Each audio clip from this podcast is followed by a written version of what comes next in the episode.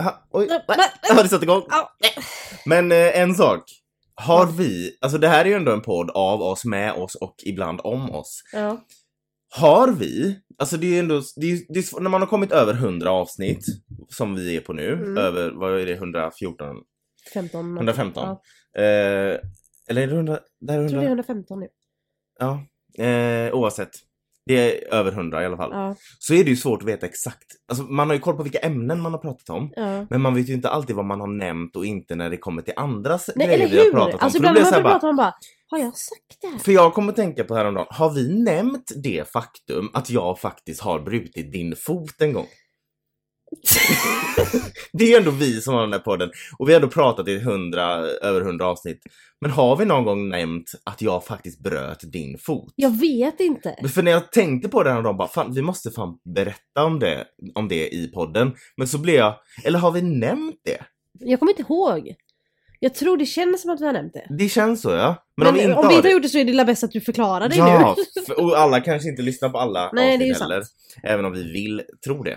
Men det är ju ändå en anekdot som är värd att berätta i den här podden som vi två ändå är med i, eftersom det är oss det handlar om. Jag bröt verkligen din fot. Mm.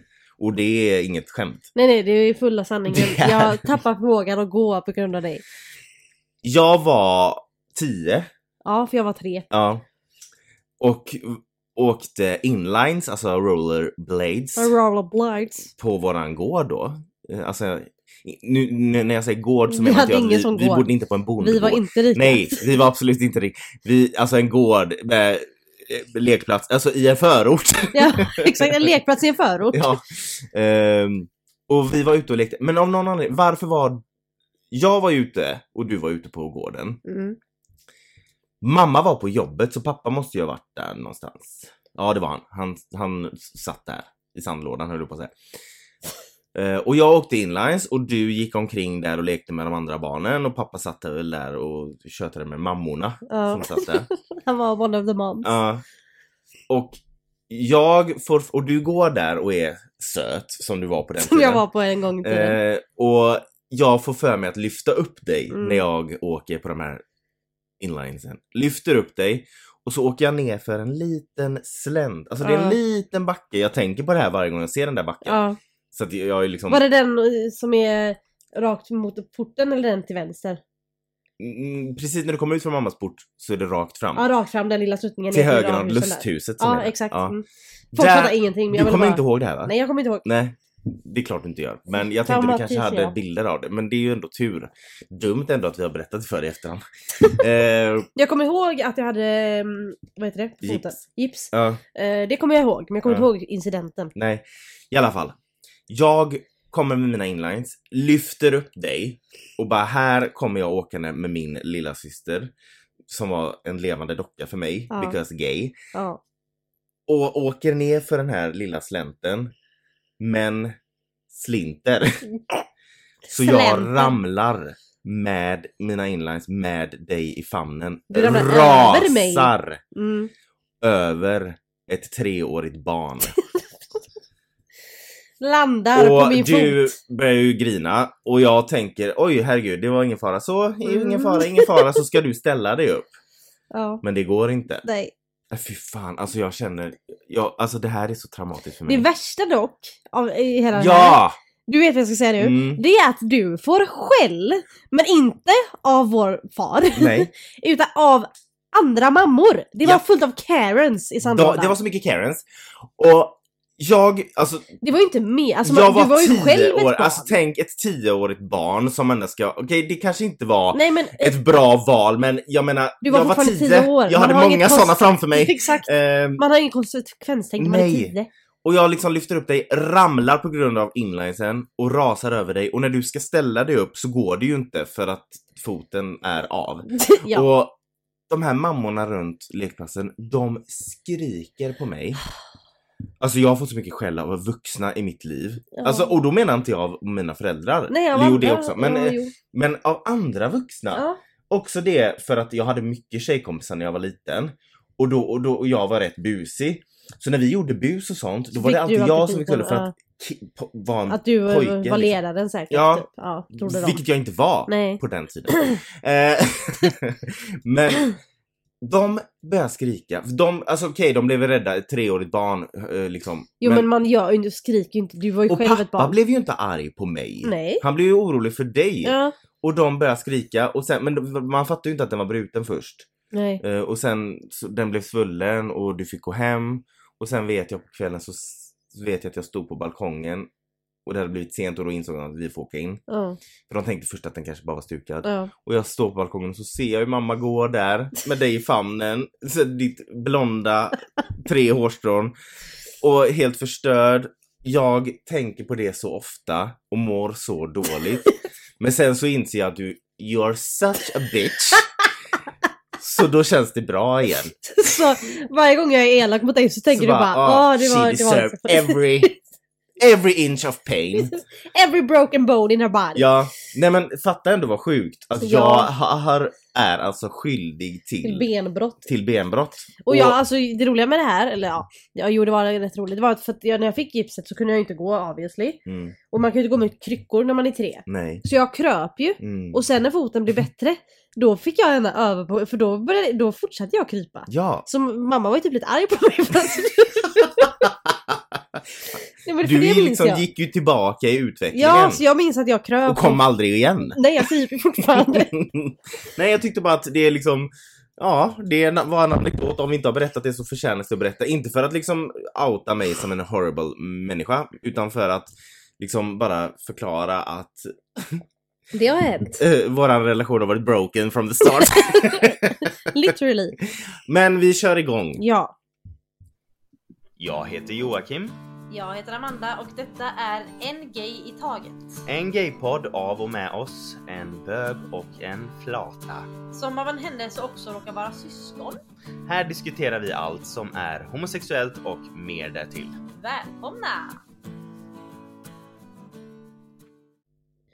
Okej, Ja. på tal om eh, brutna fötter Mm. och brutna saker, såsom äktenskap. Aha. Jag har ju mer tid nu va? Mhm. Förra veckan så fick vi ta in Felicia för att jag var för dålig för att förklara. Hon Ja, kanske du- kommer instormandes här igen. Men du, du, du är fruktansvärt, alltså bli inte journalist. Nej men det har jag inte tänkt. Nej. Nej men problemet var att hon hade fått, hon fick ju reda på saker när hon satt här ute. Under tiden. Under tiden, var därför hon kom Mm. inspringandes. Vi för att jag pratar hade alltså inte om- all... Ja vi kommer till det. Vi pratar om det faktum att Sofia Bush, Brooke Davis. Sofia Bush, men alla kollar inte på Tree Hill Amanda. Du Men får- då, då är det ju fel på dem. Ja, men Sofia Bush är en amerikansk skådespelerska. Ja, jättesnygg. Alltså extremt snygg. Vacker. Ehm, ja. och hon var ju med i One Tree Hill, Mm. eh, en eh, stor serie från 2000-talet. Ja, och därför så säger jag att alla kollar inte på det, för många, vissa kanske är 15. Jo men det är ja. ju ändå ny publik liksom. ja. Kolla på den om ni inte har sett den, alltså love it. I alla fall. Hon är jättesnygg och har haft eh, liksom relationer bara med män vad man vet. Mm. Nu har det kommit fram att hon har en relation med en kvinna. Eventuellt. Vilket, eh, vilket är intressant och väldigt. Ja, ja, Mm. precis eventuellt eller vad ryktena säger. Att hon är ihop med en kvinna nu, hon har börjat dejta en kvinna vilket jag tycker är what? Eh, Väldigt trevligt. Men det är ju inte så bra va? För att den här kvinnan var gift. Mm. Är gift. Mm. Eh, för deras skilsmässa har inte ens gått igenom än. Och då är det, det är en fotbollsspelerska Mm. som heter Ashlyn Harris. Och Mm. hon var gift med, eller är gift fortfarande, med en annan fotbollsspelare som Ja. heter Ali Krieger. Precis, det sa Ja. du förra veckan. Ja, men jag... Sluta nu, låt Mm. mig förklara. Yes. Och ehm, de... Sofia Bush då, hon är väldigt insatt i eh, eh, damfotbollen, i, speciellt i USA. Hon är ju delägare i ett eh, lag i Los Angeles och sånt där. Så hon är väldigt insatt och känner många i den här världen och har varit vän med både Ashlyn och Ali rätt länge. Mm. Eh, och i juni detta året så, eh, åkt, så var hon och Ashlyn i Frankrike. Jag tror de var på den här Cannes filmfestival eller någonting i Frankrike. Det var någon eh, festival eller någonting. Och då säger det att här hände det saker då. För när Ashlyn kom hem, det här är vad ryktena säger. Mm. Att när Ashlyn kom hem från den här festivalen som hon hade varit på med Sofia Bush då. Så kommer hon till sin fru och säger att hon vill skilja sig och det kom tydligen out of the blue. Vad ryktena Men säger. ja, okej, jag köper att ryktena säger det. Men då, jag tror, alltså om det, jag, jag kan inte tänka mig att de bara alltså blir plötsligt sister sisters i Cannes. Nej, Och sen alltså, åker hon hem efter en incident. Då, det, alltså, Nej, alltså det har ju antagligen byggts upp. Ja. För andra säger att de har varit separerade sen i somras, Ali och Ashley och sådär. okej. mm. Men i alla fall. ehm, det finns bevis på att det har inte varit helt rent i alla fall. Den här eh, affären. Eller att det har varit en affär. Mhm. För ehm, i alla fall, och Sofia, Sofia Bush skiljer sig med sin man efter ett år Mm. i, i juni också. Mm. Och de här Ashley och Ali uh, gift, uh, file for divorce nu i augusti-september någon gång. Ja. Ja, i alla fall. det, Men det här... du sa att du hade en uppdatering. Ja, det här vänt- känns, känns Nej mer som en resumé. vänta, vänta. Mhm. Ali Krieger då, hon, Mm. som blev, eh, hon som var ihop med Ashlyn, Mm. som Ashlyn som är ihop med Sofia nu, som antagligen blev otrogen mot, Mm. eller vad det heter. Som blev Hon blev bedragen. Hon la upp en post på sin Instagram. Du är bög, Ja. du vet vem Beyoncé är. ja. This is leading somewhere I promise. Yes. Ehm, hennes album Lemonade, Ja. vad handlade det om? Det handlar om eh, att hon, hon sjunger ju mer eller mindre om Att Jay-Z var otrogen. Let me speak! Mm. Ja, hon, hon sjunger, alltså det mesta handlar ju om att Jay-Z var otrogen mot henne med Becky with the good hair. Ja, exakt. Oh. Ja, och Ali Krieger la upp en post på sin Instagram, en bild när Mhm. hon spelar fotboll. Och så står det “Preparing for playoffs while in my Beyoncé Lemonade era”.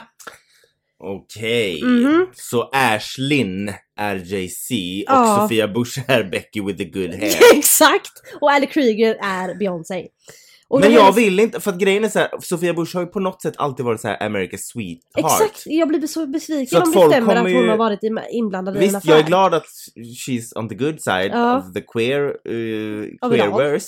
Men eh, jag vill ju inte att folk ska se henne som en homewrecker. Exakt, det känner jag med för jag älskar ju henne och jag Mm. tycker hon är så snygg och jag är så glad för att hon, Hon har ju är alltid queer. varit liksom en good... Ja men precis, girl. och att hon är queer är typ en vinst för samhället. Men Ja. att det är på det här sättet gör mig besviken. Mm. Men i alla fall, i, de här, i Men kommentarerna... sen vet vi ju inte. Nej, kanske... vi kan inte veta. Nej. Men hennes bror, Ali Kriegers bror, är bög. Så det, det har Jag vi... vet om det är, han är kändisfrisör tror jag. Eh, Det vet jag inte. Är det Det är han hans- Kyle? eh, någon- Kyle, ja, Kyle, Kyle Krieger, det stämmer säkert att han är det. Men i alla fall, då, så de är också två bögsyskon. Homosexuella. ja, och han har kommenterat den här posten då med ett citat från en låt, en Beyoncé-låt då, från det här albumet. Eh, med citattecken så. This is your final warning. You know I give you life. If you try this shit again you're gonna lose your wife. Och sen en GIF på Beyoncé från eh, video, den musikvideon. Och sen har han även skrivit, fast jag hittar inte den nu, men det, han skrev en annan kommentar typ ehm, Those hoes ain't loyal but me, and my, me and your fans are.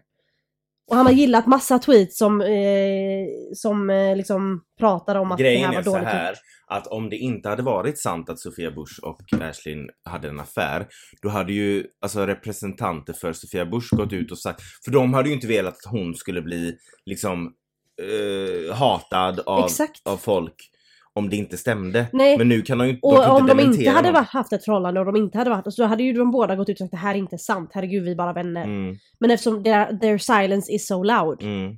för de säger ju inget. Men sen så tycker jag också att alltså, det är jättehemskt att hon är med om det här Mm. som blir bedragen.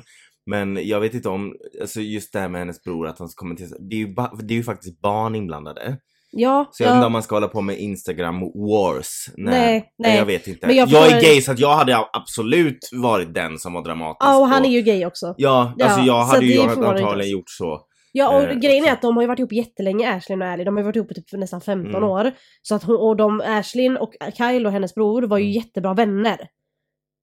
Alltså Mm, hennes mm. fru och hennes bror. Det är som att jag skulle vara en... Alltså om Felicia hade varit otro, otrogen mot mig, Mm, då hade ju du känt dig bedragen på något sätt också. mm, Så att mm. han är ju antagligen också eh, liksom ledsen ja, över det här. Ja, Så att jag, och, och han är bög, han är dramatisk. ja.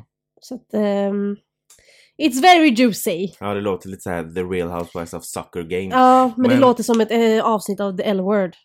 Ja, det också. Ja, det är så dramatiskt med lesbiska. Men nu är det så här, ver- verkligen så här många f- people are taking sides, alla är på Alice sida mer eller mindre men alla är också, alla lesbiska är också glada för att Sofia är lesbisk men de är besvikna för att det är på det här sättet. Ja det, det är väldigt intressant att följa. God, It's a lot. Drama och Ja. sen, men Jag kommer säkert komma med fler uppdateringar. Ja, ja, ja. Men alltså det måste ju ändå vara 2023s största skräll att Mm. Sofia Bush och Kyle Richards helt plötsligt är liksom fruktiga. swimming in the lady pond. Ja men precis, de är fruity as hell. Ah, Och... ehm, nej men jag... det var liksom inga man förväntade sig Nej, ifrån. men verkligen inte. Eller jo, Sofia Bush, hon har alltid varit queer-coded.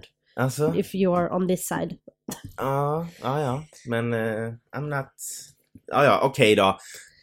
Men för om du är lesbisk eller eh, åt det här hållet så vet du, har du alltid tyckt att Sofia är queer-coded.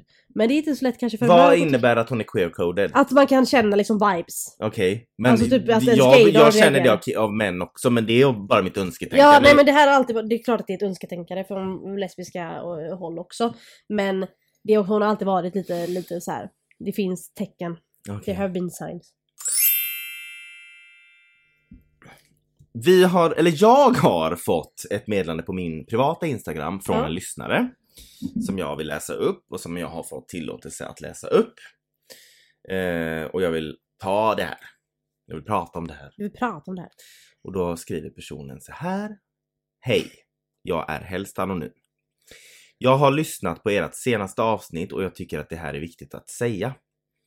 Min vän är nämligen trans och först ska det sägas att läget i Finland är långt ifrån bra. Den här personen är från Finland då alltså. Eh, för ett par månader sedan så fick vi en ny translag som tog bort kravet på tvångssterilisering.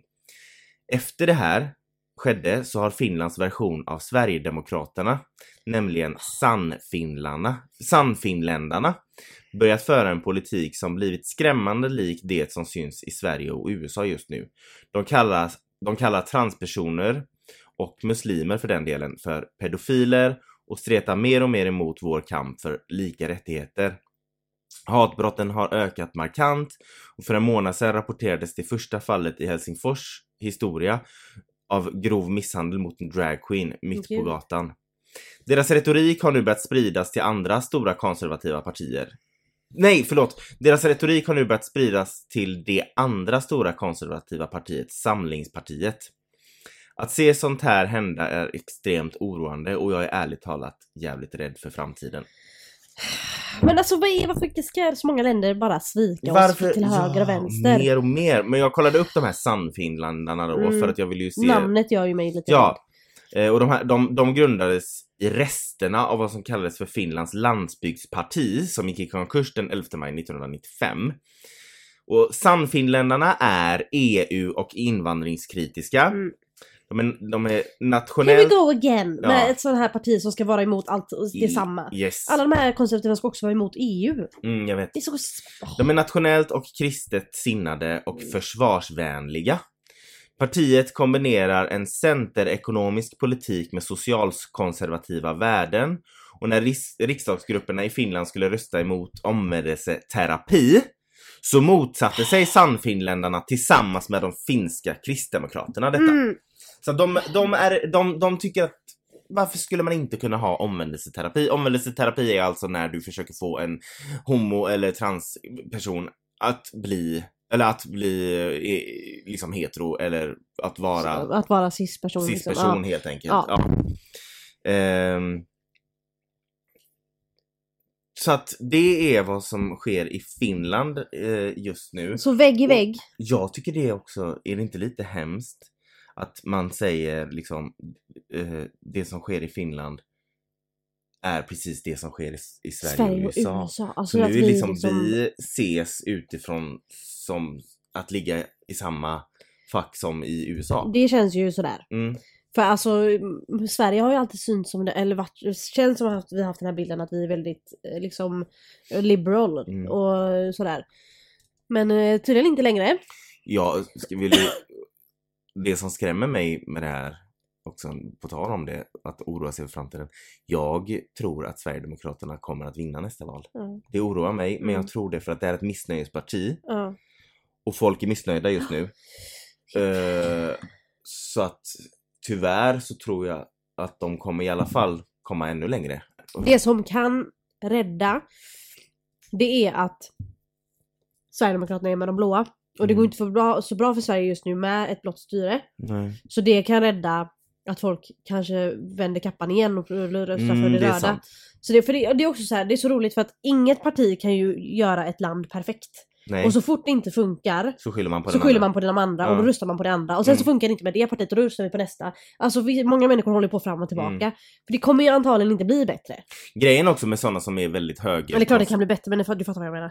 det, de som är väldigt högerkonservativa, de är ju inte heller, alltså de vill ju inte heller erkänna att den kanske andra sidan kan göra någonting rätt. Nej. Jag menar jag kan ju ändå, om jag röstar rött, så, men jag kan ju fortfarande se eh, grejer som ett blått parti har som är Ja bra. men exakt, alltså det är också, Ja, det, det, det, är det inte här... svart eller vitt. Nej, och det är det här att det saknas empati och det saknas Ja. förståelse för båda sidorna och alla sidor. Jag menar även om jag, som sagt, jag kan fortfarande hålla med om vissa grejer som de blåa eh, Kanske tycker säger om vissa ämnen och om vissa ämnen. Ja. Men det, men, men det ska kanske, kanske inte säga att jag skulle rösta på dem för Nej det. för, att, i vi, det är stora andra hela- grejer som väger tyngre för det röda Precis. och som tar bort deras validation. Eller Exakt. våran... Bara det att de eh, samarbetar med Sverigedemokraterna just nu. Ja men Men eh, liksom Medan sån, det känns som att sådana som är typ SD eller ännu längre höger, de kan liksom inte de kan liksom att... inte ens erkänna något litet. Nej. De Som- kan liksom verkligen inte se det från båda sidorna, de, eller från någon, bara sin egen sida. Och det är det som är så farligt. Mm. Det är ju så en dik- diktatur blir skapad. Liksom. Exakt. Att man bara har ett, och ett sätt som är rätt liksom. Och eh, att, ja, nej, jag, jag den här personen skriver ju ändå rakt ut att, att personen är orolig och jävligt rädd för framtiden. Ja men jag håller med. Och det ska man inte liksom behöva vara. Nej. Man vill ju ändå tänka att det går framåt. Men, men bara för att tiden går framåt så behöver inte utvecklingen göra det. Nej, alltså tvärtom. Mm. Och vi har ju sagt det tusen gånger att tyvärr så känns det ju som att vi eh, går baklänges. Mm. Och Sverige är ju inte jättepopulärt just nu heller. Nej. Det, det kan man ju säga. Men vi hoppas, vi får helt enkelt hålla tummarna och hoppas att det inte blir värre. Mm. Eh, Det är det enda man kan göra just nu. Mm. Eller du vet, föra sin kamp. Som att vi har den här podden, vissa uttrycker sig på andra liksom, plattformar. Ja, Men- jag tycker det är eh, viktigt att fortsatt våga vara stolt liksom. Exakt. Fortsätt våga vara stolt. Mm.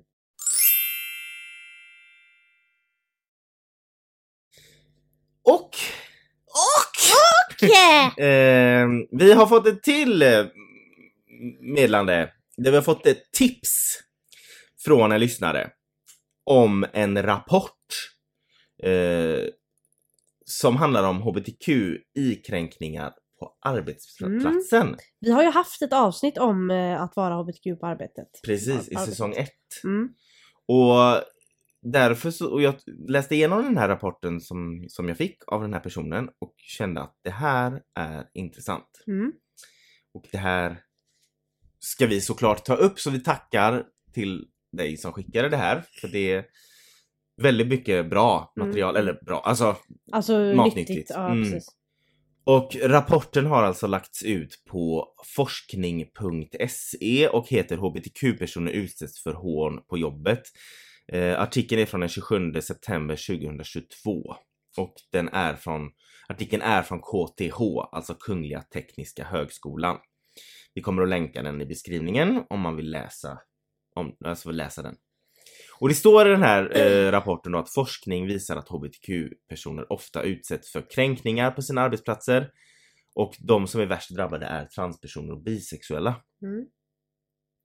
Och de beskriver i rapporten hur en HBTQI-ovänlig arbetsplats kan upplevas. Eh, det är alltså som sagt en kartläggning från KTH, förkortning för Kungliga Tekniska Högskolan, och Göteborgs universitet som har samlat ihop ja, men erfarenheter och kunskap som, som finns över hur HBTQI-personer kan tycka att deras arbetsmiljö ter sig. Mm. Och slutsatsen är att såklart, det är ju inte varenda en som har en dålig arbetsmiljö. Nej. Alltså inte alla HBTQI-personer. Inte alla! Eh, nej men alla har ju inte det. Alla, såklart. Nej, det är klart. Det, beror, men det finns ju också... det är ju också väldigt beroende på vad man har för arbete såklart. Mm, det exakt. Eh, men det är många som vittnar om eh, diskriminering, trakasserier och mikroaggressioner. Mm. Jag pausar lite här för jag ska förklara vad mikroaggressioner är för det är inte alla som vet det. Eh, mikroaggressioner är ett slags aggressivt beteende mot en minoritetsgrupp Mm. eh, som knappt märks. Mm, ja. Märks. Märks. Det, det, det, alltså det är ett aggressivt beteende mot en minoritetsgrupp som knappt märks för att det är väldigt subtilt. Mm. Om man säger så, för omni, omgi, omgivningen runt omkring så kan det vara väldigt svårt att märka mikroaggressioner. Och det är oftast den som utsätt, utsätts för det som känner av det betydligt mer än Mm. vad som kanske syns utanpå. Eh, Och mikroaggressioner sker på olika sätt genom ord, handlingar, hur man yttrar sig eller hur förhåller sig till någon från en minoritetsgrupp då. Och oftast så är det personen som Oftast är personen som utövar mikroaggressioner inte direkt medveten om vad den gör, Mm. men uttrycken kan vara medvetna om Mm. ni hänger med. Mm. Mm. Eh, och den som blir utsatt för det kan liksom ibland känna att något är fel men den kan inte riktigt sätta fingret på det. Exakt. Nej men det, det, ja, precis att det är, lite, det är så, det är så eh, diskret så att det är bara en själv som märker det. Och så reagerar på det men man vet ändå att det finns någonting där bakom men ändå är det liksom, ja men exakt som du Precis. sa. Ja. Och exempel på mikroaggressioner det är eh, till exempel om man tar hbtqi-personer som exempel då. Det är till exempel att eh, förutsätta att en partner är Alltså att, att en är mannen och en är kvinnan i ett homosexuellt förhållande. Eh, eller att du förutsätter att en homosexuell person inte kan relatera till heterosexuella människor. Det kan vara typ att fråga en hbtqi-person, har du någon gång haft riktigt sex? Och då, eh, alltså syfta på heterosex, att man anser att heterosex är riktigt äkta sex men det är eh, inte homosex då. Eller att använda frasen typ, ja fan vad gay, till någonting som är, som är lite töntigt. Eh, eller typ säga till en eh, homosexuell tjej, jag har en vän som är lesbisk, känner du henne? Det kan också vara en mikroaggression. Eller att typ säga till en homosexuell man, hur länge har du varit tillsammans med din tjej? Alltså det är ju inte aktiv diskriminering, men det är ett antagande att den, att den heterosexuella strukturen är den rätta och det kan få människor att känna sig minimerade. Så, och det, Ja så, alltså så, det, det är så mycket man typ känner igen i det Ja. där. Inte på, alltså, inte på arbetsplatsen just, Mm. alltså, men alltså äh, allmänt när man träffar nya Ja men det är ju människor. som många, många från eh, liksom Många människor som är av andra etniska härkomster kan ju Ja. också uppleva extremt mycket Exakt. mikroaggressioner. Ja. Eh, som till exempel någon, en svart person, om, om, om, man säger till en svart person, ja men jag ser inte färg. ja det där är ju en mikro. Det där är ju en mikroaggression, för då tror man, jag tror, om jag säger till en svart person, jag ser inte färg, då tror jag att jag säger något snällt för att Ja. jag, jag eh, ser alla som Öppensinnad. Ja. De Men det jag egentligen gör är att jag minimerar ju deras upplevelser från att ha, hur de har varit Ja behandlade. men exakt. och jag precis. ser inte att det... I don't see your struggles typ. Det är typ det Exakt. man säger. Jag ser inte hur mycket du får kämpa. Precis, jag, då, det betyder ju som att säga att du inte ser att de blir utsatta för rasism. Ja men exakt. Så du kan ju inte säga jag ser inte färg, även om det är en, du tror... Du tror att det är en fin... Jag förstår tanken med Mm. det, men det funkar inte så. Nej, för, det, för om du inte ser deras... Om du inte ser en färg, då ser du inte heller deras struggles som exakt, du säger. precis. Så att det... Många undrar så här, vad är mikroaggression? Och alla har nog råkat göra det. Mm. Men var försiktiga med, med vad ni säger. Ja men liksom. exakt. Och sånt är det ju då på arbetsplatser eh, väldigt mycket som eh, folk eh, upplever då. Så för att återgå till den här forskningen. Så oftast de här kränkningarna då är ju oftast som sagt knappt märkbara och lite raffinerade, hårfina, aggressiva gärningar som visar sig i form av anmärkningar, kommentarer, dåliga skämt eller dumma frågor. Mm. Eh, det kan vara kränkande kroppskommentarer mot transpersoner där de får privata kommentarer om sin kropp. Till exempel om sina könsorgan som kränker deras identitet. Eh, men det kan också vara rent typiska grejer som att man använder bög som ett skällsord. Mm. Som sagt, på arbetsplatsen. nu. Och kartläggningen visar att en arbetsmiljö som har ett väldigt heteronormativt klimat har en negativ påverkan på hbtqi-personers arbetsmiljö. Och när de säger heteronorma- heteronormativ arbetsmiljö så menar de en arbetsmiljö där heterosexualitet tas för det normala Mm. och där andra sexuella läggningar ses som annorlunda eller onormala eller ja, men avvikande. Mm. Och när en arbetsplats har ett klimat som är heteronormativt så blir det helt enkelt en riskfaktor eftersom man ja men rätt och slätt osynliggör hbtqi-personer och hbtqi-frågor. Mm. Vilket i sin tur då skapar en osäkerhet bland anställda och, och hur andra kollegor uppfattar dem. Alltså detta blir ju, om man säger, det, det blir ju som en kedjereak- kedjereaktion som leder till att folk är mindre öppna med sin sexualitet eller könsidentitet. För man är liksom, alltså folk är ju rädda för, att ska för hur folk ska reagera om man får veta att någon är trans, gay, bi. Eh, och det i sin tur gör ju att man inte kan vara öppen med vem man är. Så det är svårt Alltså det gör ju att det är svårt att känna gemenskap med sina kollegor. Mm. Och vilket i sin tur leder till att man tappar Alltså man kan tappa engagemanget för sitt jobb. Ja men det är klart, och trivseln går ju ner om man inte känner att man kan relatera eller eh, känner någon gemenskap med folk. För att, och det är också den här typ, eh, och det är ju inte bara det här att man tror att någon, eller att man tänker att någon är eh, homofob eller kommer tycka eh, illa om en och sådär. Utan det är mer sådana här små grejer typ att man tänker att jag, in, jag tillhör inte dem helt och hållet. Alltså även om de tycker det, men att man själv får den känslan av, på grund av år av liksom trauma Mm. från att ha känt sig utanför på grund av hur man själv, vem man är och hur man känner sig på insidan. Att det inte liksom reflekteras hos någon annan på arbetet eller på, i någon annan grupp med människor liksom. Exakt. Och det gör ju också att jobbet känns tristare om man mår väldigt dåligt på jobbet. Exakt. Och sen är det också så att man kan liksom gå omkring och undra hur den skulle ta om den visste. Undra hur den skulle ta det om den visste. Precis, att man... Att jag man, har ju aldrig sagt på jobbet att jag är gay, jag bara antar att folk vet det. Ja. ja. Ja. Ja, nej men alltså du fattar ju alltså. Ja och det, sen, det är också så här ibland jag, jag kan ju inte för att det kan, det här, det, det som jag ska säga nu förstår jag kan vara en privilege i vissa miljöer.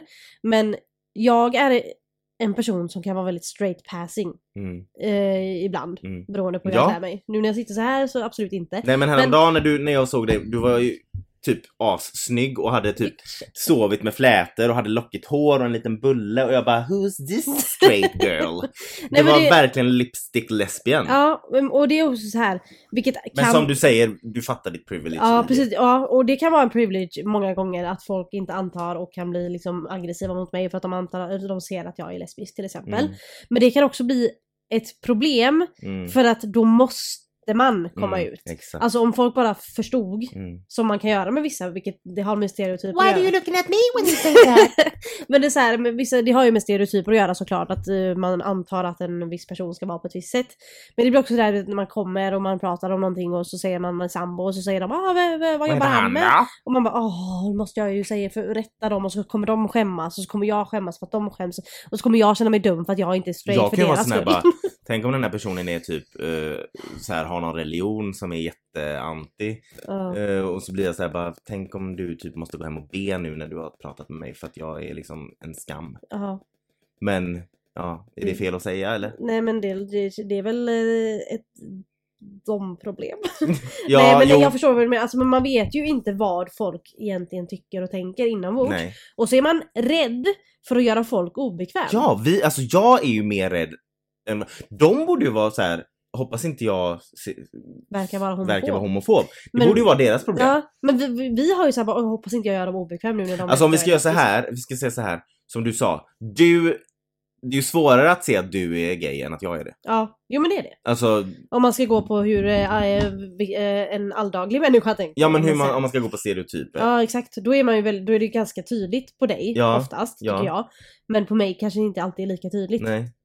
Det är faktiskt sant. Men Mm. jag menar, men, om man tänker bara Amanda med en man. Nej, Jo. det går inte. Nej, tack. men det är ju bara för att jag vet det. Ja men exakt. Vidare så säger de i den här artikeln, och nu citerar jag. En bra utgångspunkt är att alltid agera som att alla könsidentiteter eller sexuella läggningar kan finnas representerade i ett rum. Mm. Och det är ju väldigt bra att Mm. ha det som en grundtanke. Och de säger också att det är extremt viktigt att chefer, men också kollegor, agerar och sätter ner foten om man, uppmärks om man uppmärksammar så här dåliga skämt som är homofoba. Eh, och att man aldrig ska förutsätta att någons partner är en person av motsatt kön. För detta kan göra att hbtqi-personer, även de som inte är öppna med sin läggning, kan känna sig trygga. Mm. Och de trycker också på det att det är extra viktigt att chefer visar sitt stöd och är inkluderande, för det är ju faktiskt en del av deras miljö, arbetsmiljöansvar. Ja, ja. Eh, och om nu då cheferna då skulle vara passiva så öppnar det ju upp för diskriminering och typ mobbning och, och trakasserier och det är ju folk mer utrymme att vara svin mot andra om cheferna blundar. Ja exakt för då ser de att det för inga konsekvenser med sig så jag kan bete mig så här. Exakt. Ja. Och, men sen som sagt så tror jag ju självklart, alltså absolut att det är beroende på vad du har för arbets... Alltså för arbete. ja exakt. Var du jobbar någonstans. Ja och hur eh, arbetet agerar rent öppet. Och sen också hur mycket, hur många anställda det finns. För, för, för det är ju faktiskt så här. Ju mer anställda det är, desto större chans är ju det att det finns en hbtqi-person, men Mm. också desto större chans att det finns Homofober. En, homofober. Ja, ja exakt. För är man 80 anställda så kommer ju någon vara gay eller trans och någon kommer att vara homofob. Mm. Så är För det, det är ju, bara vare sig det är av religiösa eh, orsaker eller bara av att du är en bigot. Mm. Men det är ju så. Jo Så- men det är ju, och det är ju bara statistiken talar ju för Ja. det liksom. Det är ju bara ren fakta. Så var snäll mot era kollegor och Mm. tänk på Hur ni mikroaggressioner. uttrycker er.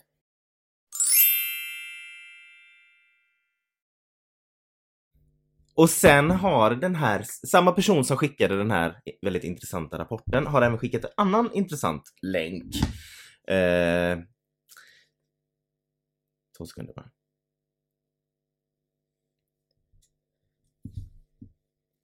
Passivt och aggressivt, jag tittar på min Ja, vad fan är det med dig? Det var inte meningen.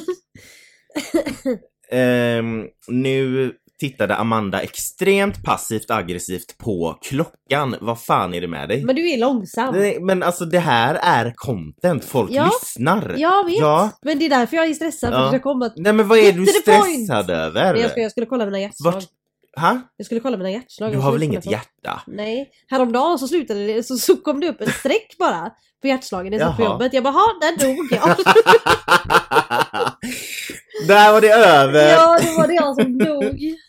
Nej men den här personen har skickat en till intressant länk från Mm. socialstyrelsen.se.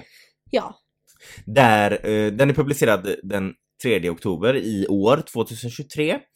Och rubriken är Många äldre hbtqi-personer känner oro för framtida äldreomsorg. Ah, intressant. Jag Och- har inte tänkt så långt. Nej, och om jag läser direkt citat här nu då från artikeln så står det i ingressen Många äldre hbtqi-personer känner oro för att behöva flytta till äldreboende eller få hemtjänst.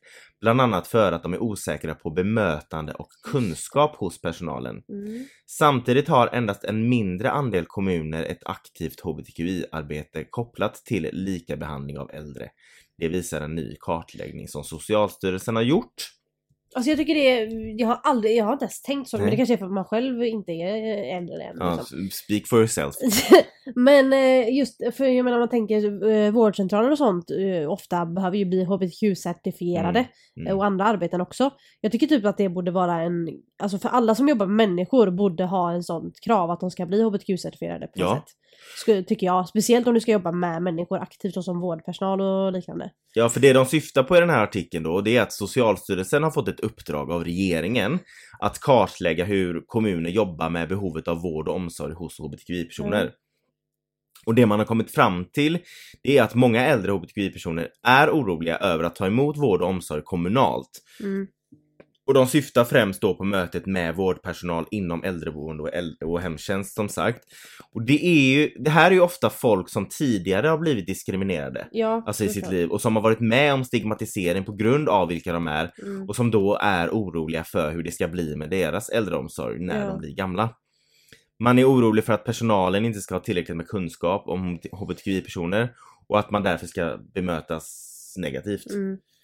Och artikeln förklarar att det behövs mer arbete för att skapa en likvärdig vård för alla och att kartläggningen visar att det är en mindre andel av kommuner som arbetar för detta.